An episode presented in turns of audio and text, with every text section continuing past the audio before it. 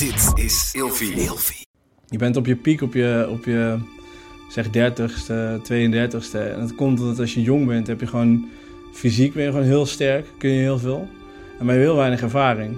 En op een gegeven moment begint dat ervaring, dat, dat komt op. En dan zit je op je dertigste ongeveer dat je fysiek nog gewoon genoeg kan doen. Ehm, maar dan heb je ook de juiste ervaring om juist in die momenten gewoon te weten wat je moet doen. Te weten wat voor jou werkt, te weten hoe je rustig kan blijven.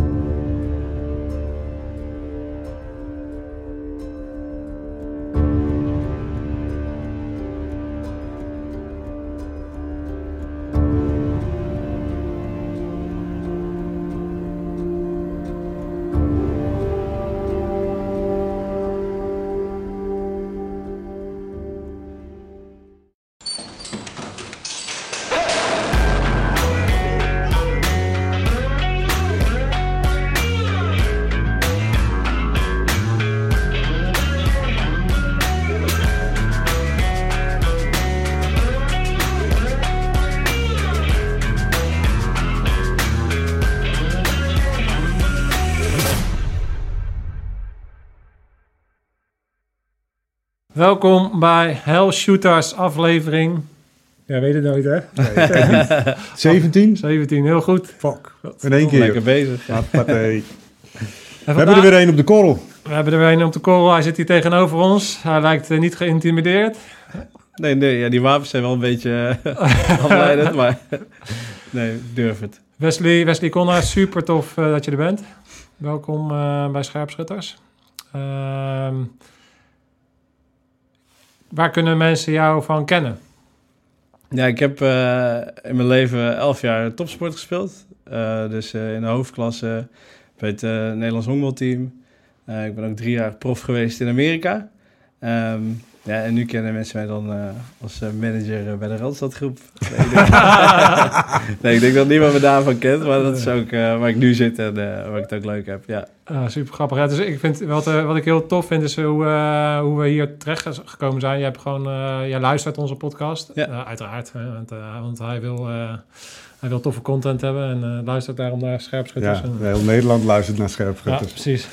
Nee, nee, maar je luistert naar ons en je, hebt een bericht, je hebt gereageerd op een LinkedIn berichtje. Waarop je zei van ja, ik zie ook wel heel veel connectie naar, naar de topsport. Um, en daar zijn we even op ingehaakt. Want dat, uh, dat denk ik ook namelijk. Dat er heel veel connectie is tussen, tussen de wereld waar wij vandaan komen als scherpschutters. En waar jij dan in rondgerend hebt. Um, en toen we eenmaal connectie hadden, toen was het ineens heel grappig. Want toen bleek dat jij top, niet alleen topsporter bent, maar dus Nederlands team honkbal hebt gespeeld. En ik, dat, ik heb ook in het Nederlands team honkbal gespeeld. Ja, een klein wereldje. Ja, ja, ja. Dus dat is echt uh, bizar. Ik, ik, ben, ik heb dat alleen maar in mijn, in mijn jeugd gedaan. Dus ik was, toen ik 12, 13 was, heb ik Nederlands team uh, gespeeld. En uh, ik ben op mijn 16e ben ik andere dingen gaan doen. Achter de meisjes aan gerennen en zo. um, maar... kan ook gewoon wel. ja, ja. ja. Gekheid. En, en, ook iets met een knuppel. Ja, ja. en jij, uh, toen je net aankwam, zei jij, ik ben ook al bij Hellshooter geweest. Ja, klopt ja. Ja, dat was, uh, uh, dat was voor, uiteraard een vrijgezellenfeestje, ja. een paar jaar geleden. En ik kent een beetje Airsoft, maar hier, ja, inderdaad tegen, tegen of ja, dit concept, hè, gewoon mensen die echt wat kunnen. Ja, dat doet heel erg pijn heel veel flink geschoten. Maar het is wel echt, uh, was wel echt een hele vette ervaring om te doen. Dus ik prijs hem ook altijd op mijn werk. Van als je iets wil doen, niet ja. gewoon gaan paintballen, gewoon hell shooten. Ja, vet. Ja.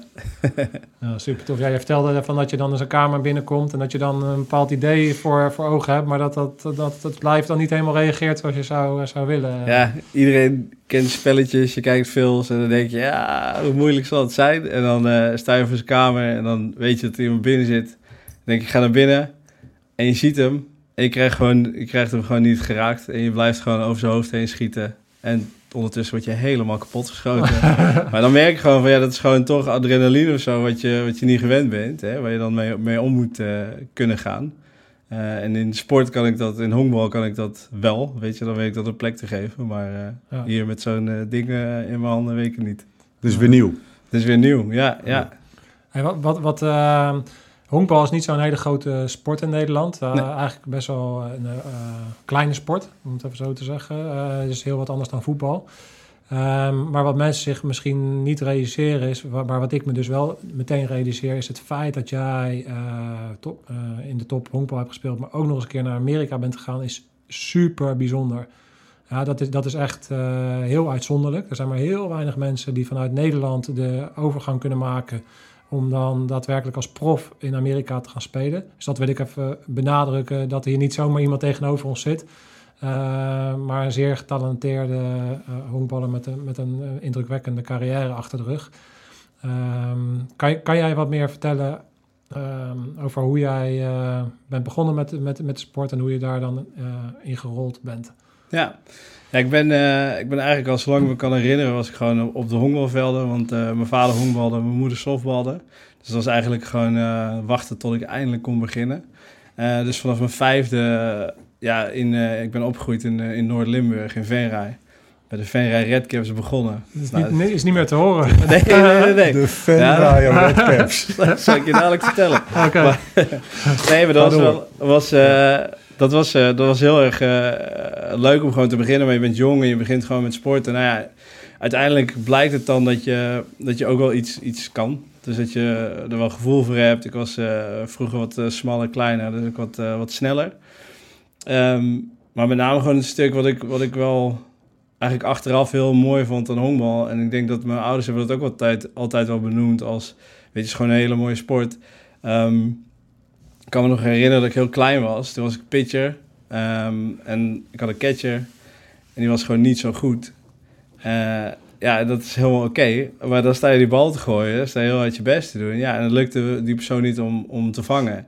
En op dat moment uh, werd ik best wel boos. Dat ik dacht, ja, waar ben je nou niet aan het vangen? Terwijl mijn ouders dus zeiden van, ja, je kan zo iemand ook gewoon gaan helpen. Want uiteindelijk, en dat vind ik mooi van honkbal, je hebt, uh, je hebt altijd iemand nodig die die bal vangt voor je. Um, dus toen ben ik met die jongen ook weer gaan oefenen en gaan trainen. Nou ja, dus dat was in de jeugd dat ik echt dacht van, oh, dit is wel een soort lekker teamgevoel. Dat je gewoon samen met een club mensen ergens keihard aan werkt. En dan dus uh, uiteindelijk dingen gaat presteren. Als je gewoon ziet dat je dan uh, vanzelf beter wordt. Ja.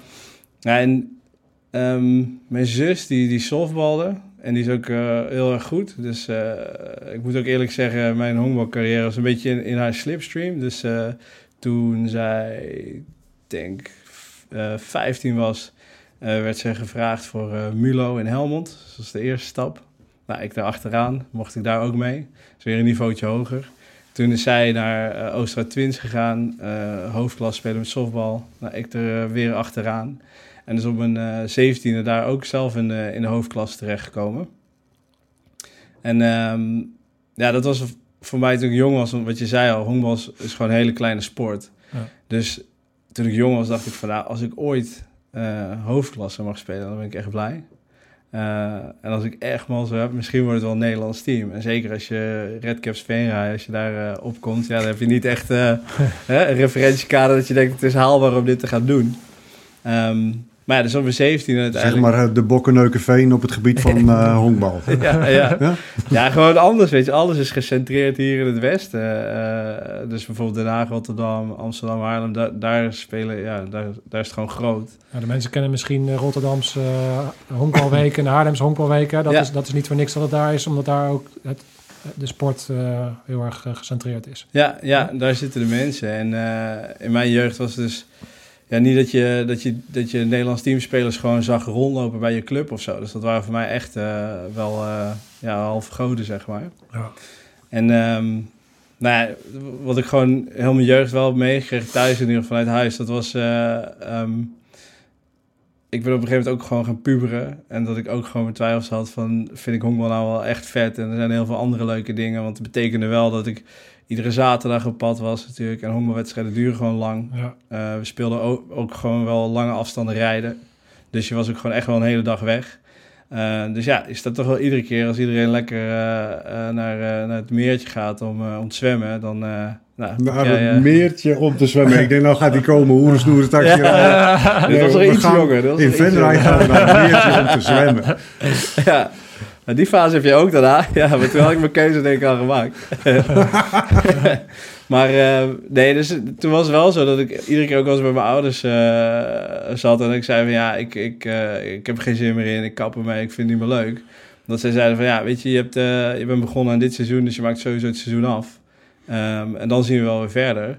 Ja, uiteindelijk uh, heb ik daardoor, uh, wat was het in mijn, mijn leven, dus 23 jaar lang gehoonbald. Dat ik iedere keer dacht... Uh, ja, ik, vind, ik, vind dat, ik vind dat super interessant, omdat ik, ik ben dus afgehaakt. Ik, ben, ik, ik zat ook in het Nederlandse team, in, in, in, de, in de selecties en alles. En ik zeg niet, dat, ik, ik denk dat ik veel minder getalenteerd ben dan jij, maar ik ben ook heel jong begonnen. En, en door mijn harde werken heb ik een, een bepaald niveau gehaald. En ik was, ik was catcher. Oh ja. En dat was ook heel gek, want ik ben heel lang. Maar ik was zo jong begonnen dat, en ik wilde altijd dan toch wel in het centrum van, uh, van het spel zetten. Dus daarom ben ik catcher geworden. Maar ik ben dus wel afgehaakt, dus ik vind het wel heel interessant. Omdat ik, uh, om te weten van hoe is dat dan bij jou gegaan inderdaad. Van hoe, hoe die twijfels en, en, en hoe heb je dat uiteindelijk weten om te zetten. Want wat daar ook nog eens een keer... Ik heb ook een bepaalde kansberekening gedaan... En dat, daar zit, hem dus ook in. Kijk, als je voetballer bent en je zit in dat spectrum, dan is de kans dat je daar echt je boterham mee kan verdienen, is best wel aanzienlijk. Als jij weet van je bent een van de beste spelers van Nederland, dan ga je daar geld mee verdienen. Als je een van de beste honkballers van, van Nederland bent, dan is het geld, daar, is heel onwaarschijnlijk dat je dat gaat verdienen. Dus de, de, de, de drive om daarin door te gaan, moet ergens anders vandaan komen. Ja. Klopt. Hoe, hoe, hoe, kan je daar iets over vertellen? Hoe dat, dat was die honkbalknuppel die, uh, die, op de ontbijttafel lag. Ja. nee, ja, ik denk... Uh, uh, wat het is zegt... niet met de paplepel ingegoten, maar met de honkbalknuppel. Ja. Dat toch wel? nee, ja, het, is, het is zo dat, dat, dat zeker... het is gewoon echt geen grote kans dat je in Nederland heel veel geld gaat verdienen met honkbal. Um, en dat is dus ook eigenlijk nooit mijn, mijn drijf drijfveer geweest om, om heel veel geld te verdienen. Um, maar wat ik wel gewoon had en heb, is dat ik het gewoon heel vet vind om, om iets te bereiken. Weet je, gewoon uh, mijn zinnen ergens toe te zetten en dan uiteindelijk gewoon iets te kunnen laten zien. En um, ik ben op mijn negende, denk ik, voor het eerst in zo'n regionaal selectieteam uh, terechtgekomen. En um, nou ja, dan, uh, dan kom je dus ook met, uh, met gasten die bij andere clubs zitten, waar ze eigenlijk ook misschien ja, wat betere training hadden. Want ja, in Venray was het gewoon echt niet zo groot. Um, en dan merk je gewoon van, hé, hey, weet je, ik wil meer aan op kunnen trekken. Hè? En op een gegeven moment lukt dat ook. Uh, dan zie je ook gewoon dat dingen gaan werken voor je. En ik denk dat dat continu wel hetgene was wat mij ook in die periode doorheen heeft getrokken, is dat je wel reward eruit kreeg. Dus ik, ik merkte gewoon van ja, ik heb dus een keuze dus of ik stoppen. Maar ik zou nooit iemand zijn die zeg maar dan half, half zou gaan honkballen. Dus of ik zou stoppen en wat anders gaan doen. Ja, ja. Maar ik voelde gewoon dat er wel gewoon... Er was nog steeds één stap te maken en één stap te halen. En niet zozeer vanuit een, een, een einddoel of zo. Van een droom van oké, okay, Nederlands team, dat is het of wat. Of ik wil naar Amerika, dat al helemaal niet. Nee. Um, maar gewoon, ik merkte gewoon dat ik het echt lekker vind, vind. Ik vind het nog steeds lekker om gewoon beter te worden dan dat ik gisteren was. En Ja die momenten dat het dan lekker weer is, dan denk je, weet je, dan is het balen. Maar die keren dat je dan weer uh, ja, gewoon een hele vette wedstrijd hebt gespeeld, je hebt gewonnen of je hebt weer iets gedaan. Ik weet nog wel dat ik mijn eerste home sloeg, bijvoorbeeld echt het veld uit. Toen was ik 14 in Bokstel. Huh? Dat, uh, ja, dat, zo, dat soort moment, ja, dat vergeet je gewoon niet. En, uh, en dat maakt je wel gewoon hongerig. En ik denk dat als mijn ouders dus niet die rol hadden gespeeld van, hé, hey, weet je, nu heb je gecommit, dus je maakt hem af ja, dan was ik ook gestopt. Ja. Want ik heb genoeg momenten gehad, ook toen prof was in Amerika, dat ik dacht, nu is wel genoeg, weet je, ik ben er klaar mee. Ja. Um, maar dan ergens in dat, in, die, in dat naseizoen in de winter, ja, dan krijg je toch een beetje honger. En dan denk ik, nou, er zit er nog wat in. Kan ik nog één stap verder? En dan kom je weer gewoon voor zijn seizoen. Dus uh, ja, daar ben ik wel blij mee. Ja. Uiteindelijk. Ja, ja heb, heb jij... Kan, heb jij een idee, want jij um, hebt dus een soort van in jou zitten. Um, en dat is denk ik, voor mij is dat heel erg het geheim van, van succes, maar ook het geheim van geluk, gelukkig zijn. Is uh, continu blijven groeien en jezelf steeds weer te verbeteren en, en daar, ja. daar plezier halen. Dat, dat zit er dus blijkbaar vanaf je, bij jou echt een soort van daarin. Heb je een idee waar dat vandaan komt? Is dat iets wat je mee hebt gekregen van thuis? Of is dat, kan je dat duiden bij jezelf, waar, waar dat vandaan komt? Um, ik denk dat het altijd gewoon gestimuleerd is. Dat sowieso. Dus uh, in alles wat ik deed, dan was het wel zo dat... Ja, ik heb gewoon heel veel support gehad vanuit huis om, om dat ook te kunnen doen. Maar um, ja, ik denk dat er ook altijd wel in heeft gezeten. En waar dat precies vandaan komt, dat, dat weet ik eerlijk gezegd niet. Maar ik weet wel dat... Um, dat zijn inderdaad, ja, wat jij zegt, dat zijn wel de momentjes dat ik uh, me eigenlijk gelukkig voel. Als je je zinnen ergens toe zet en het lukt. Hè, je ziet jezelf gewoon ontwikkelen, je ziet jezelf groeien en dan op een gegeven moment lukt het. Ja, dat is echt zo'n moment dat je denkt, crap, what's next? Weet je wel, daar Ja. krijg je gewoon energie van. Dus dat, eh, dat zit wel heel erg in bij mij. En ehm, ja, ik, mijn zus die is nu bijvoorbeeld, die is eh, nu 36, die is weer een opleiding aan het volgen. Mijn moeder heeft tot de vijftigste nog een master gehaald. Dus zijn ook altijd met iedereen in, in ons gezin continu ontwikkeling. En hetzelfde eigenlijk voor mijn vrienden. Allemaal ambitieus gedreven. Niet dat ik ze daarop uitgekozen heb. Maar op een gegeven moment zit je te reflecteren en dan denk je... Ja, dit is wel gewoon mijn omgeving, ademt dit ook. Ja. En ik ken anders ook niet echt. Nou, mooi. Ja, ik, ja, ik vind het mooi. Ja, en is, is, dat, is, dat, is, dat, eh, is dat ook een beetje waar je op inhaakte toen? Als je, want als je kijkt naar... Wij, komen, wij zijn dan eh, vanuit Defensie, hè, dus ik ben... Ik heb topsport gespeeld, maar ik ben daar eh, eh, gestopt om wat voor reden dan ook. En vervolgens ben ik wel een andere wereld ingegaan. Ook op zoek naar, dat, naar, naar diezelfde injectie. En dat is die injectie van continu, oké, waar kan ik mezelf uitdagen? Waar kan ik groeien? Waar kan ik, kan ik mezelf eh, ontwikkelen? En ik heb dat gevonden bij de mariniers. Ehm, maar het is heel interessant natuurlijk om te kijken van waar, waar zit... Ja, hoe, jij hebt die topsport helemaal uitgelopen. Ik ben in een andere wereld gegaan. En Jeroen komt ook vanuit die wereld. Waar zitten, eh, zijn we uit hetzelfde hout gesneden?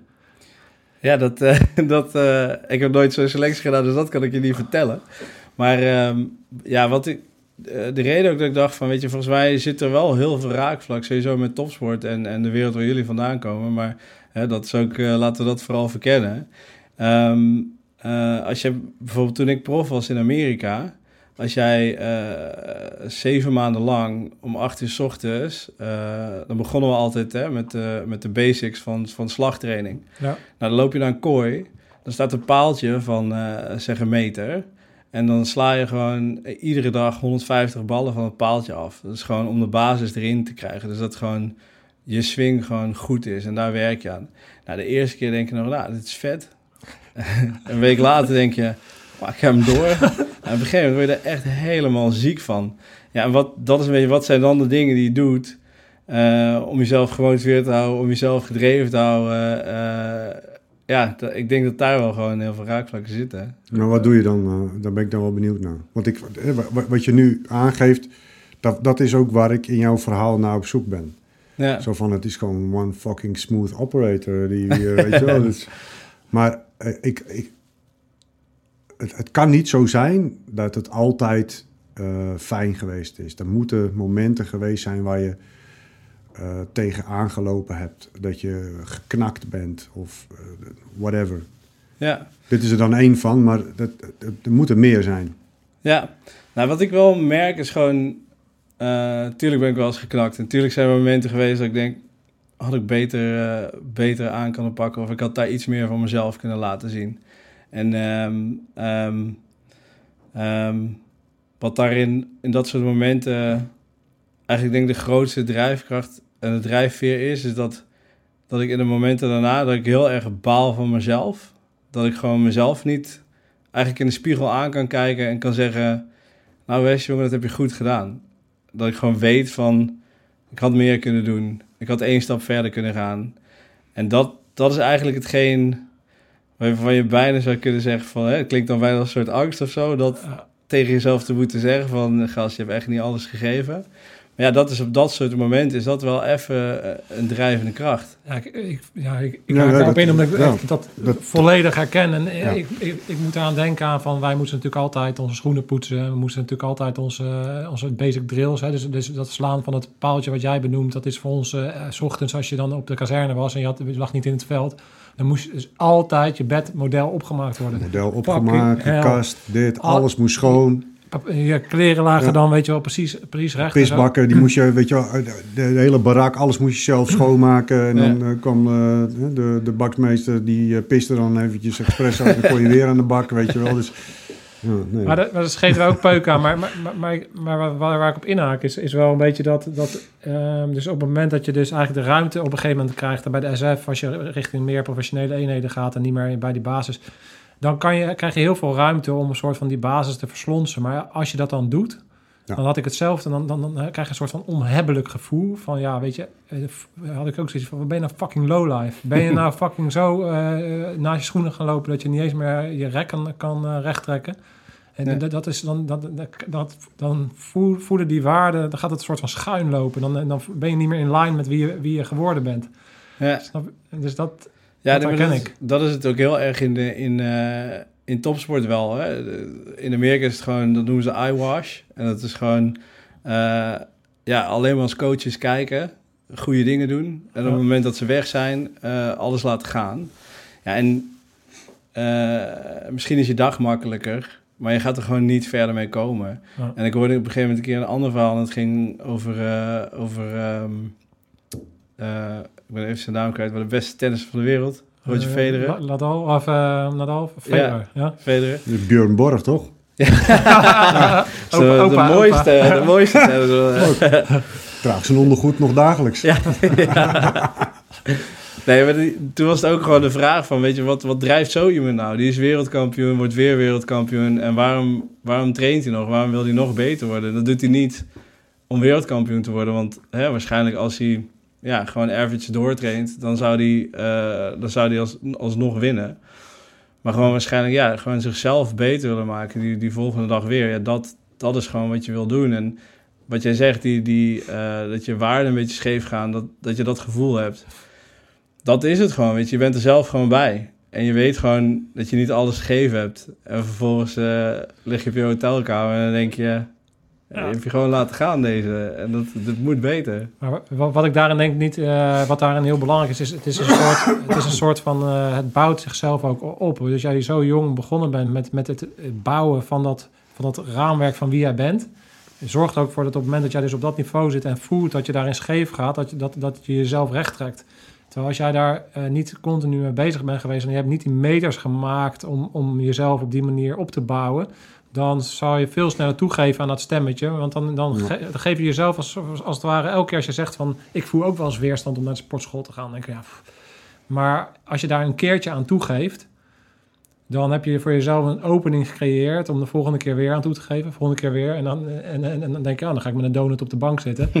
En dan je weet wel wat, wat er dan met jezelf gebeurt. En, en dan eh, daar word je gewoon onwijs ongelukkig van. En eh, mensen realiseren zich in wat dat betreft niet hoe... Je je kan denken van, ah, ik sla één keer niet die 150 bal, ik pak één keer 100. Ja, maar als je er één keer mee begint, dan ben je gewoon lost. Dan is het gewoon einde verhaal. Dus dat is zo fucking belangrijk. Discipline is daarin echt essentieel. Dat gaat Ja. veel verder dan alleen maar die, die één keer. Nee, nee, je geeft jezelf een opening om te starten met falen. Ja, Dat, dat is hoe ik dat zie. ja en ik denk... eh, ik had toevallig eh, eh, eigenlijk vrij recent nog... Want, want je maakt meters en het bouwt op en het wordt steeds sterker. En, eh, vrij recent nog hoorde ik een keer iemand zeggen... Embrace the suck, weet je wel? Omarm Ja. gewoon dat het zuigt. En... ehm, Dat zei je gisteravond ook, of niet? maar... eh dat is een vies spreek. Ah, je wordt er wel steeds beter in. Gewoon even die grappen er doorheen. ja. Nee, ik had... eh, eh, ja, in de dagelijkse dingetjes of zo, dan denk ik ook van... eh, ik heb bijvoorbeeld met schoonmaken. Eh, ik heb nu net twee kinderen.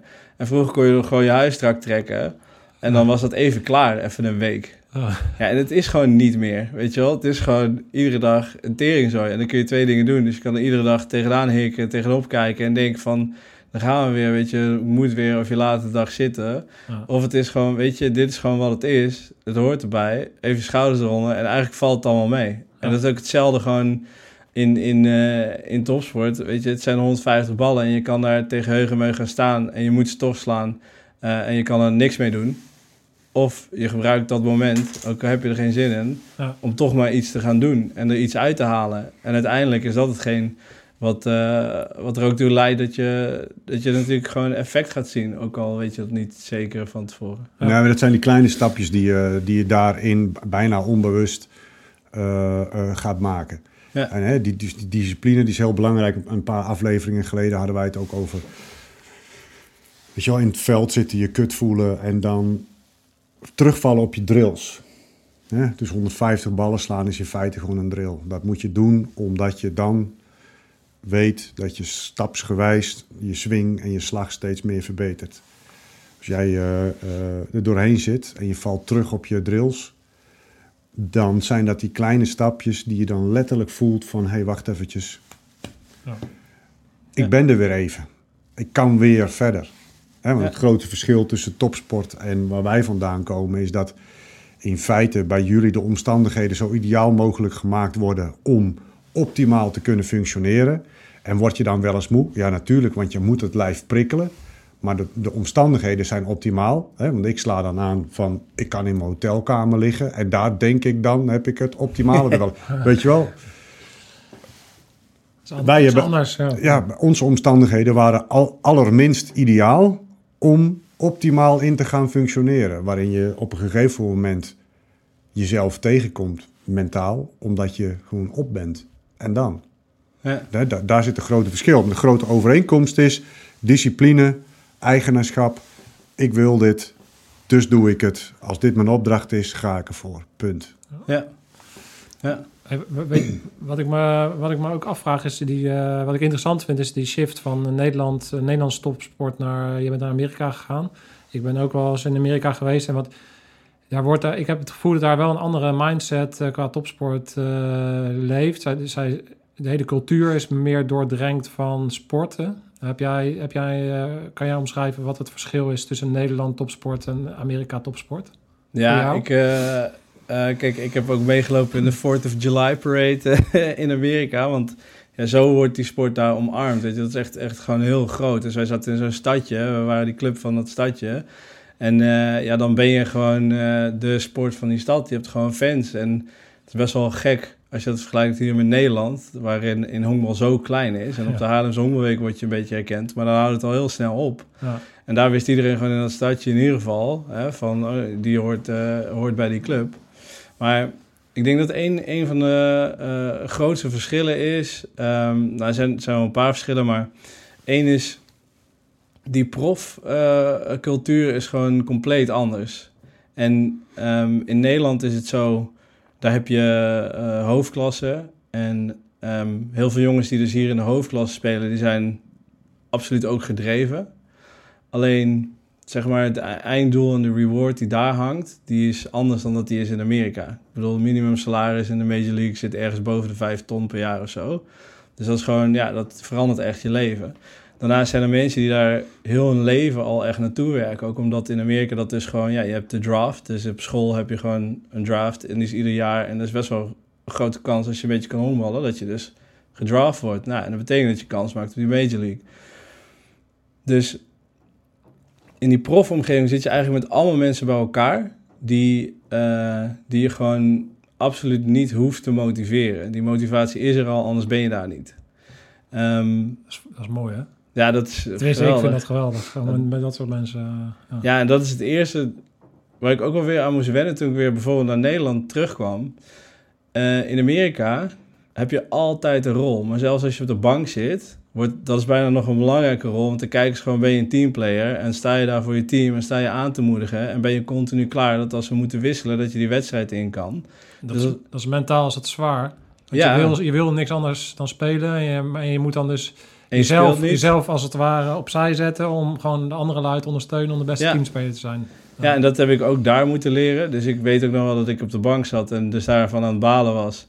Eh, en dat is ook iets, iets in Amerika. Ze, als je erom vraagt, krijg je wel feedback, maar je krijgt het niet heel proactief, weet je wel. Want dat, ja, je zit daar gewoon als prof, dus hebben zoiets van, je moet weten wat je moet doen en anders kom je maar vragen. Ja.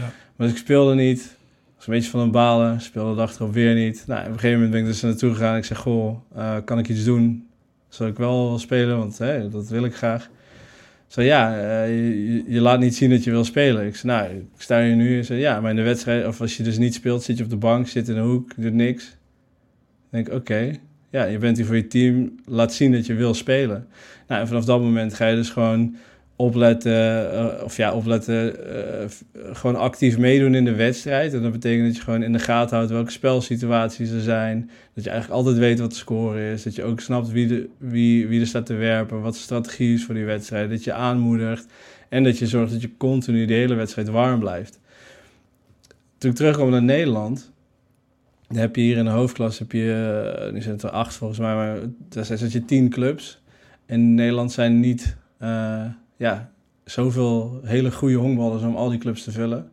Ehm, en dat betekent dus dat je best wel wat verscheidenheid hebt in teams. En dan zag je dat jongens liever naar een, eh, een team aan de onderkant van de hoofdklasse gingen om daar te spelen, dan dat ze op de bank zaten bij een team, bij een topteam, Ja. om te leren van die mensen. En dat vond ik altijd heel bijzonder. Super interessant eigenlijk als je het op die manier eh, eh, bekijkt. Omdat het dan dus gewoon een totaal andere mindset is. En, en hoe, hoe, ehm, hoe gedijde jij in, in, eh, in Amerika dan in die, in die wereld? Nou, wat wel in Amerika, ik heb dat wel, ik heb dat wel echt moeten leren. Want ehm, wat ik heel moeilijk vond bijvoorbeeld in Amerika, is eh, wat ik net ook al een beetje zei, je krijgt best wel weinig feedback. Dus eh, in sport vind ik het wel mooi dat je direct feedback krijgt. Dus je staat aan slag, er wordt de bal gegooid. Nou ja, je doet iets. En door hoe die bal, eh, of je succesvol bent of niet, of dat die bal naar links gaat of naar rechts, daardoor heb je wel meteen feedback.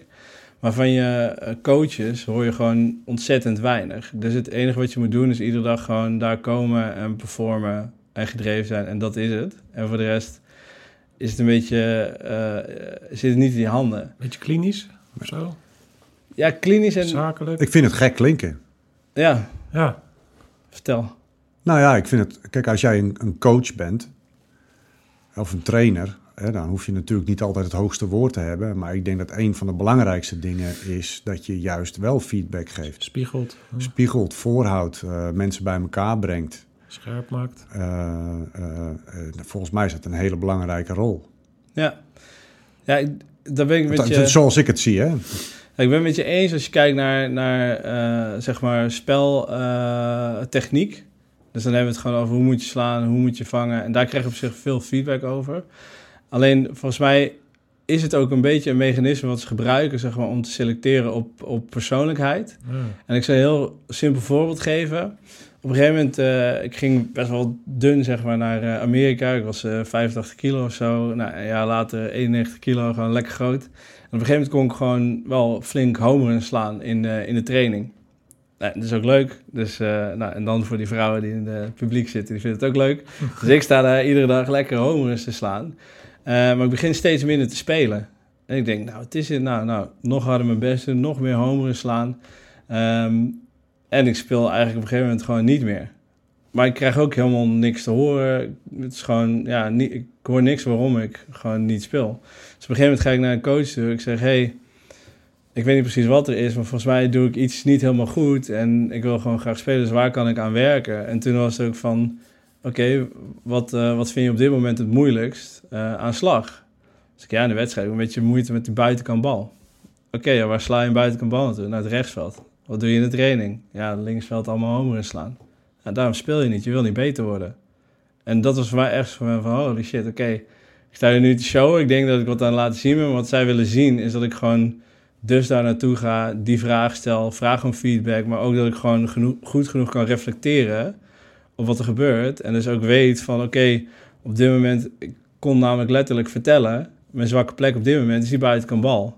En het enige wat ik aan het trainen was, was gewoon, weet je, voor de show die bal eruit slaan. Dus ik denk dat dat stukje, zeker in de wat lagere niveaus, ook gewoon een manier is om wat te filteren op, op eh, persoonlijkheden. Ja, Dat vind ik wel heel interessant. Want eh, als we dat even naar onze wereld trekken, is dat bij ons ook zo? Volgens Nou, niet, nee, hè? kijk, volgens mij is het zo dat eh, je, je hebt daar een team en daar wil je optimaal mee presteren.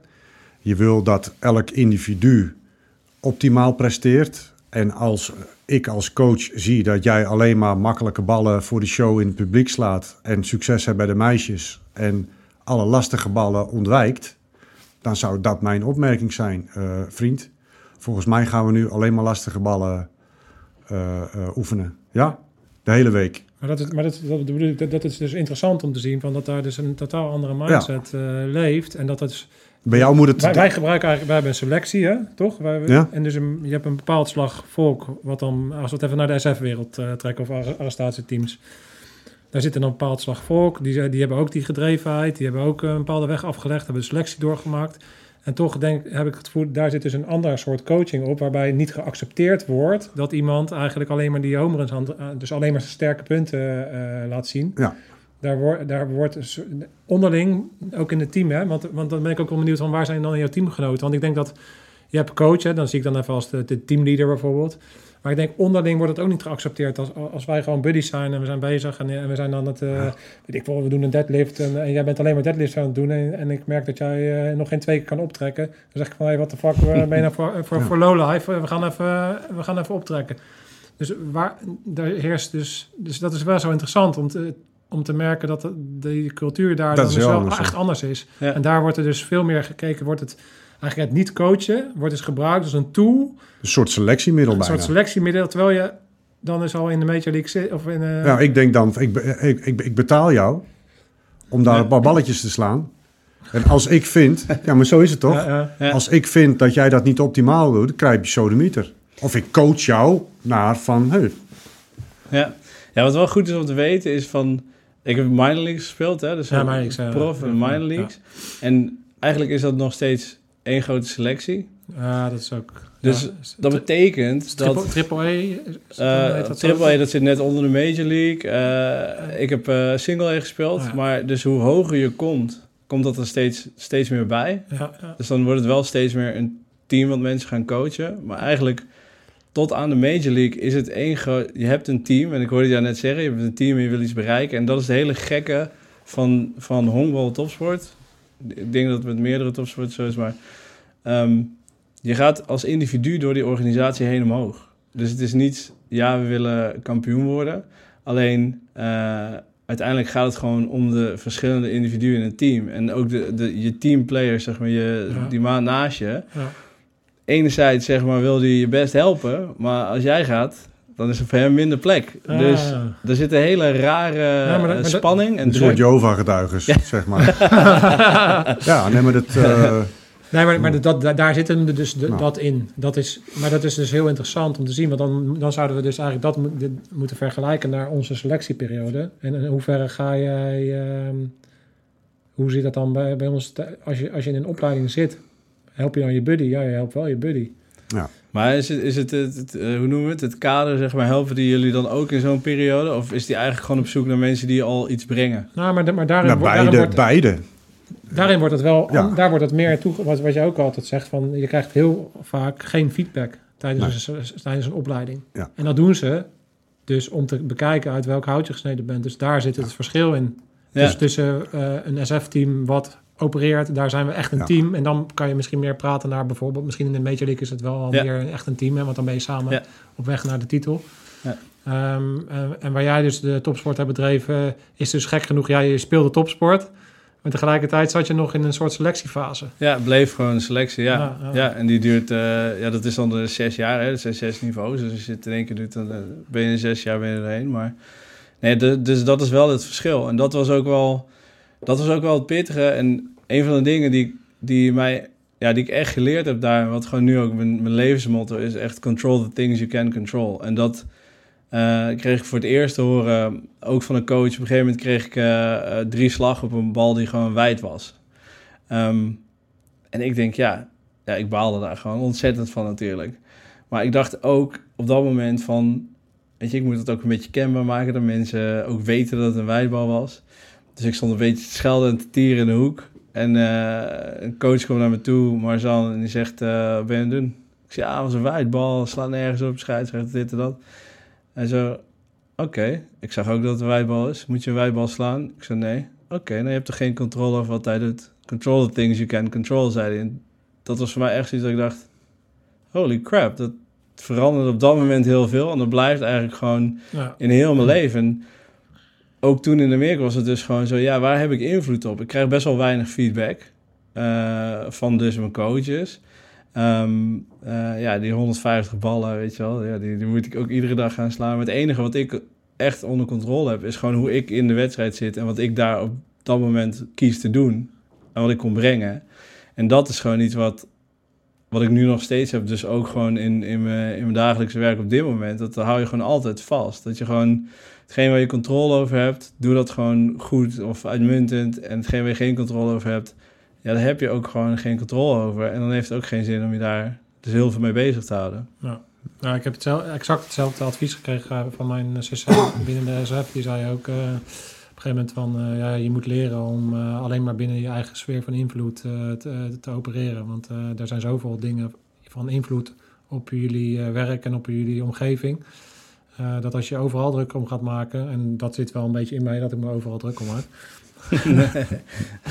Eh, dus eh, dat heb ik nog steeds. Ik denk dat ik die les nog steeds niet 100% heb geleerd. Omdat ik, maar, maar ik kreeg wel dezelfde les mee. En ehm, ja, dus ik denk dat dat ook een eigenschap is die je binnen SF en Defensie heel erg moet hebben. hè. Dus dat je, dat je gewoon heel erg dingen naar jezelf kan, kan toetrekken en eh, ehm, ervoor kiest hoe jij handelt en hoe je reageert op een bepaalde situatie. Soms, gaan, eh, soms kunnen, kan je zoveel dingen goed doen en klopt alles en gaat het toch mis. Ja, precies. Ja, ja, ja. ja en over, in de honkbal is het zelfs zo dat eh, Hall of Fame honkballers, die falen 70% van de tijd. En dat klinkt heel gek, maar als je dus een slaggemiddelde hebt, en dat gaat per duizendtallen, zeg maar, maar een slaggemiddelde van, van 300, 333, Ben je dan ben je gebaas. echt gewoon de top van de wereld. En waarom is dat? Dus zeg maar, ja, je kan het heel plat slaan in wiskunde. Je hebt een knuppel, die is rond en die komt in een bepaalde hoek. En de bal wordt gegooid met een bepaalde hoek. Dus als je hem perfect raakt, komt die bal op één plek neer. Nou, er staan acht mannen in het veld voor je. Eentje zit nog achter je. Maar acht man voor je, ja, als hij precies op die plek gaat, dan kun je alles goed doen. En dan ben je nog steeds uit. En op het moment dat jij dus ook in honkbal je daar druk over gaat maken, over het resultaat, dan, dan ga je aanpassingen maken. Dan ga je steeds, ja, dan ga je op een gegeven moment gewoon falen. Terwijl je moet dus heel erg gefocust zijn op proces, goed contact maken, goede ballen uitkiezen om te slaan. En op een gegeven moment gaan ze vallen. En dat is, dat is ook een mentaal best wel pittig spelletje voor een seizoen. We speelden 140 wedstrijden in, in, eh, in 60 maanden. Dus je speelt iedere dag. Dus het is best wel snel dat dingen opbouwen. Dus succes kan opbouwen. En dan moet je eh, ook heel sterk blijven. Dat je niet te gretig wordt en steeds meer ballen gaat slaan. Omdat je, dat je denkt, het gaat goed. Kan alles hebben. Elke, elke, elke worp, elke slagbeurt is een nieuwe. Is een nieuwe, ja. alles weer opnieuw. Ja, en Het je is blijft... geen optelsom. Nee, en je Het blijft is gewoon eigenlijk hetzelfde als met, met het perfecte schot van een sniper. Ja, Dat is eigenlijk, nee, we hebben het al in een andere aflevering, maar eigenlijk leg je dat uit. Dus is het raken van het doel belangrijk? Ja, is belangrijk. Maar is dat waar je je mee bezig moet houden? Nee. nee. Als je je daarmee bezighoudt, schiet je mis. Ja, Alles wat eraan vooraf gaat, dus het hele proces wat eraan vooraf gaat om dat ene perfecte schot te geven, dat, dat is waar het uiteindelijk om draait. ja. Ja, en dat is ook echt dat... Als je dat eh, ja, kan en een beetje voor jezelf in je hoofd gedaan krijgt. Een heel concreet voorbeeld bijvoorbeeld. Ehm, nou, ik heb wel op bijvoorbeeld op een finale van de Europa Cup gestaan... dat we nog één punt achter stonden en eh, laatste inning. En dat is het moment, zeg maar, om het te gaan doen. en dan is het jouw beurt. Ehm, dan kun je dat allemaal meenemen naar die plaat toe... en daar gaan staan en denken... holy crap, ik sta hier op de Europa Cup, ik sta één punt achter. Ik moet het nu gaan doen. En dan leg je zoveel druk op jezelf... terwijl het is eigenlijk in wezenlijkheid niet anders dan elke andere slagbeurt die je ooit gehad hebt. Je moet gewoon nog steeds hetzelfde doen. Ja. En ik merkte gewoon, toen ik jong was, was ik daar echt gewoon helemaal niet zo goed in. Want dan ben je gewoon nog te jong, te eager en dan wil je te veel. Ja. En hoe ouder je wordt, word je daar steeds beter in. Maar dat is ook het leuke van honkbal. Daarin zie je echt mensen die... Je bent op je piek, op je, op je zeg 30ste, 32ste. En het komt omdat als je jong bent, heb je gewoon... Fysiek ben je gewoon heel sterk, kun je heel veel. En maar je hebt heel weinig ervaring. En op een gegeven moment begint dat ervaring, dat, dat komt op. En dan zit je op je dertigste ongeveer dat je fysiek nog gewoon genoeg kan doen. Ehm, maar dan heb je ook de juiste ervaring om juist in die momenten gewoon te weten wat je moet doen. Te weten wat voor jou werkt. Te weten hoe je rustig kan blijven.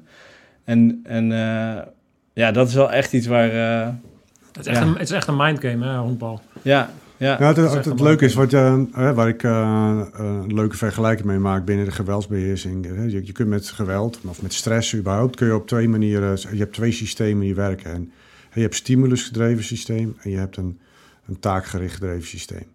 Als jij een louter stimulusgedreven systeem hebt, dan laat je je in feite heel snel leiden door gedachtes, door angsten, door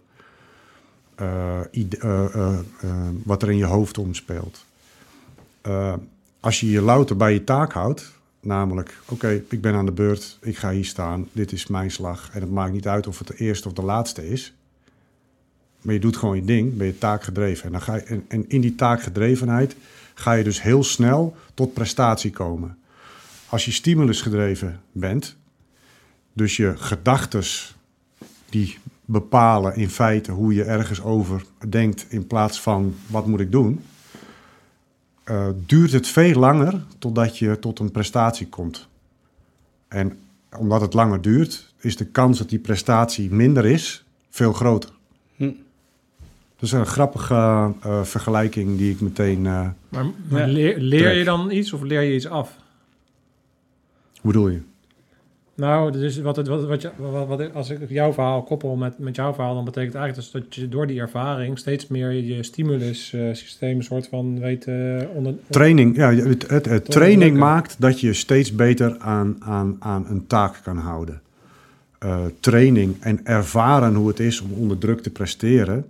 Elke, elk moment vergroot zeg maar eh, jouw, jouw weerbaarheid en jouw kracht om daarmee om te gaan. Dus ervaring is daarin heel erg belangrijk. Ja. Maar ik denk dat eh, eh, dit soort systemen kennen maakt dat je veel sneller naar, naar een taakgerichte prestatie gaat dan naar een stimulusgedreven Ja. prestatie. Ja, en ik denk dat dat, en nu ik het zo hoor zeggen, ik ken de theorie erachter niet, maar dat is natuurlijk wel waarom je uiteindelijk ook die 150 ballen van het paaltje afslaat. Precies. ja. Ja? Zodat je gewoon weet, dit is die binnenkantbal, dit is die bal midden over de plaat en zo sla je hem. En op een gegeven moment eh, hadden we ook een coach en dat was, ehm, dat was ook wel heel erg bijzonder, want ik was 20 of zo. Nou, helemaal gewoon half mannetje de top natuurlijk. Ook klaar om te gaan. We gingen slaan. En die vent zei, eh, leg, eh, leg je knuppel maar in de hoek. Ga maar even allemaal liggen.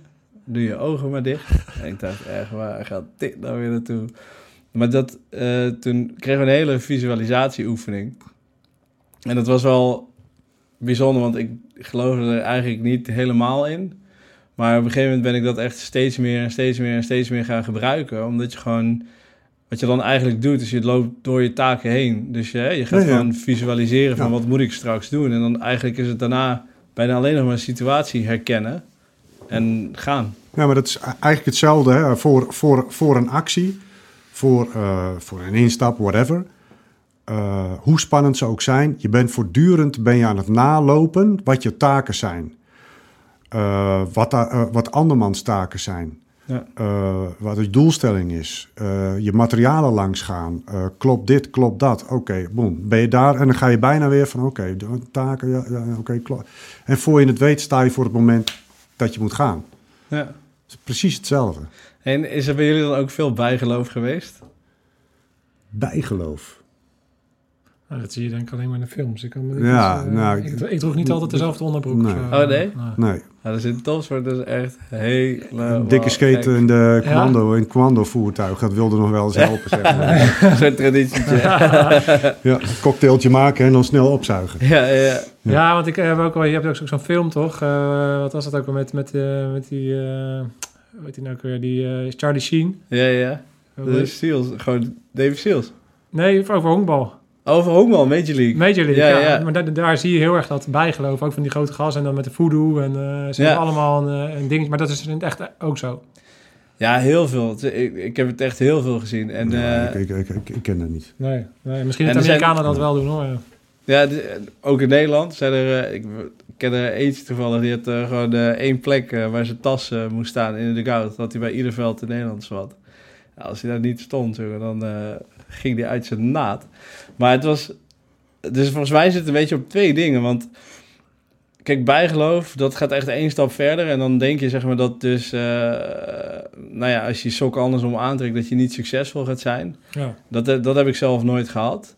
Ehm, maar wat het wel is, is je hebt wel weer gewoon heel veel routines. Een soort zeg maar. houvast. Je weet Ja. dat, dat die, een aantal dingen zijn gewoon voorspelbaar. En die breng je ook in een, in een bepaalde mindset, zeg maar. Dus naar zo'n moment toe. Dus Ik, ik, Ja, maar dat is, dat, dat, dat is gewoon het, het, het in focus komen van, Ja. van jou als individu.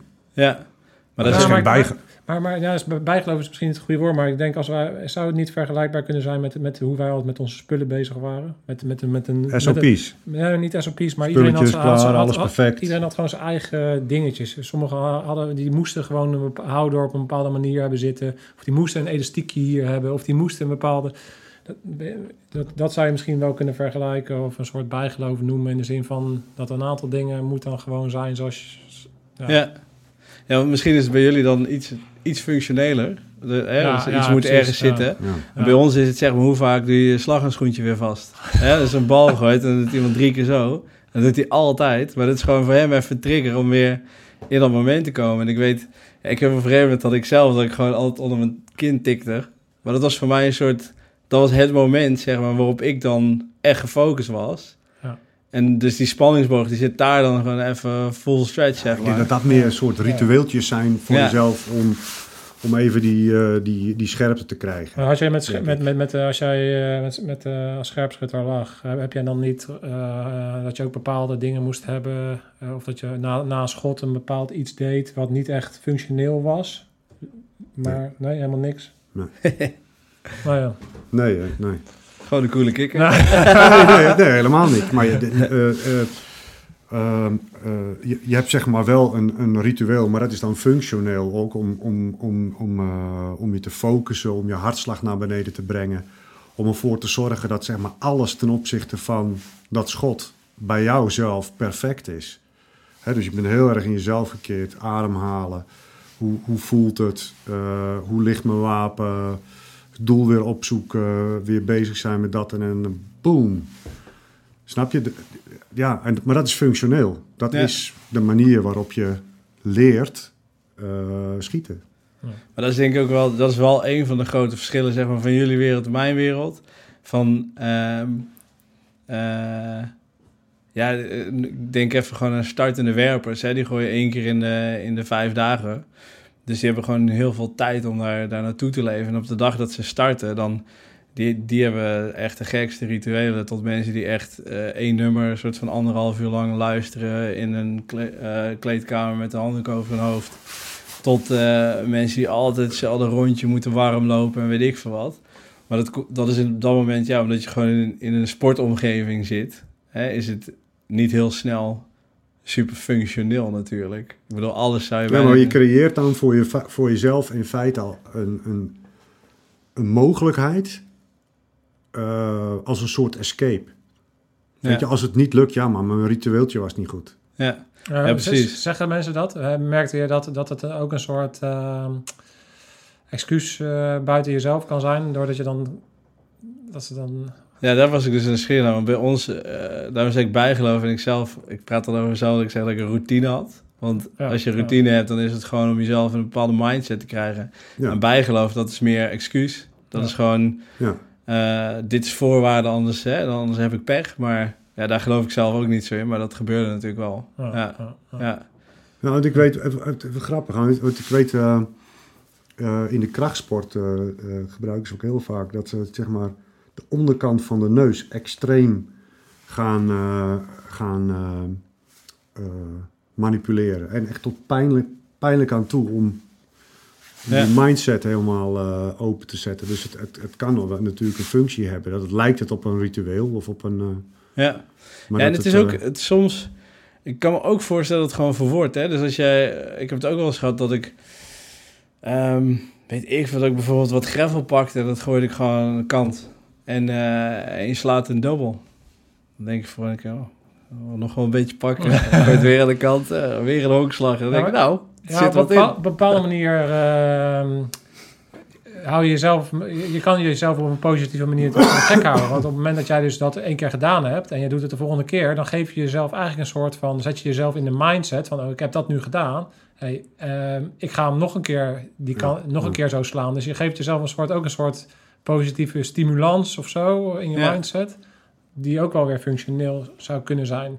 Ja, en ik van- denk, ja. reflectie daarin is gewoon belangrijk. Zodat je ook gewoon goed kan reflecteren op het moment, weet je. Dat, dus ik, reflectie is sowieso belangrijk, maar ook op dat soort momenten van, oké, is het iets wat gewoon bijdraagt? Of ga ik me nu een soort van een afhankelijkheid voelen aan het feit dat ik een beetje Nou, maar ik denk dat dat, ik, ik denk dat het is natuurlijk onzin dat jij een beetje gravel gooit, dat het dan wel goed Ja. gaat. Dat is echt onzin. Ik denk dat je jezelf dan voor de gek houdt. Ik denk dat eh, bepaalde routines die ervoor zorgen dat jij in een goede mindset komt, dat, dat draagt bij aan Ja. uiteindelijk een beter resultaat.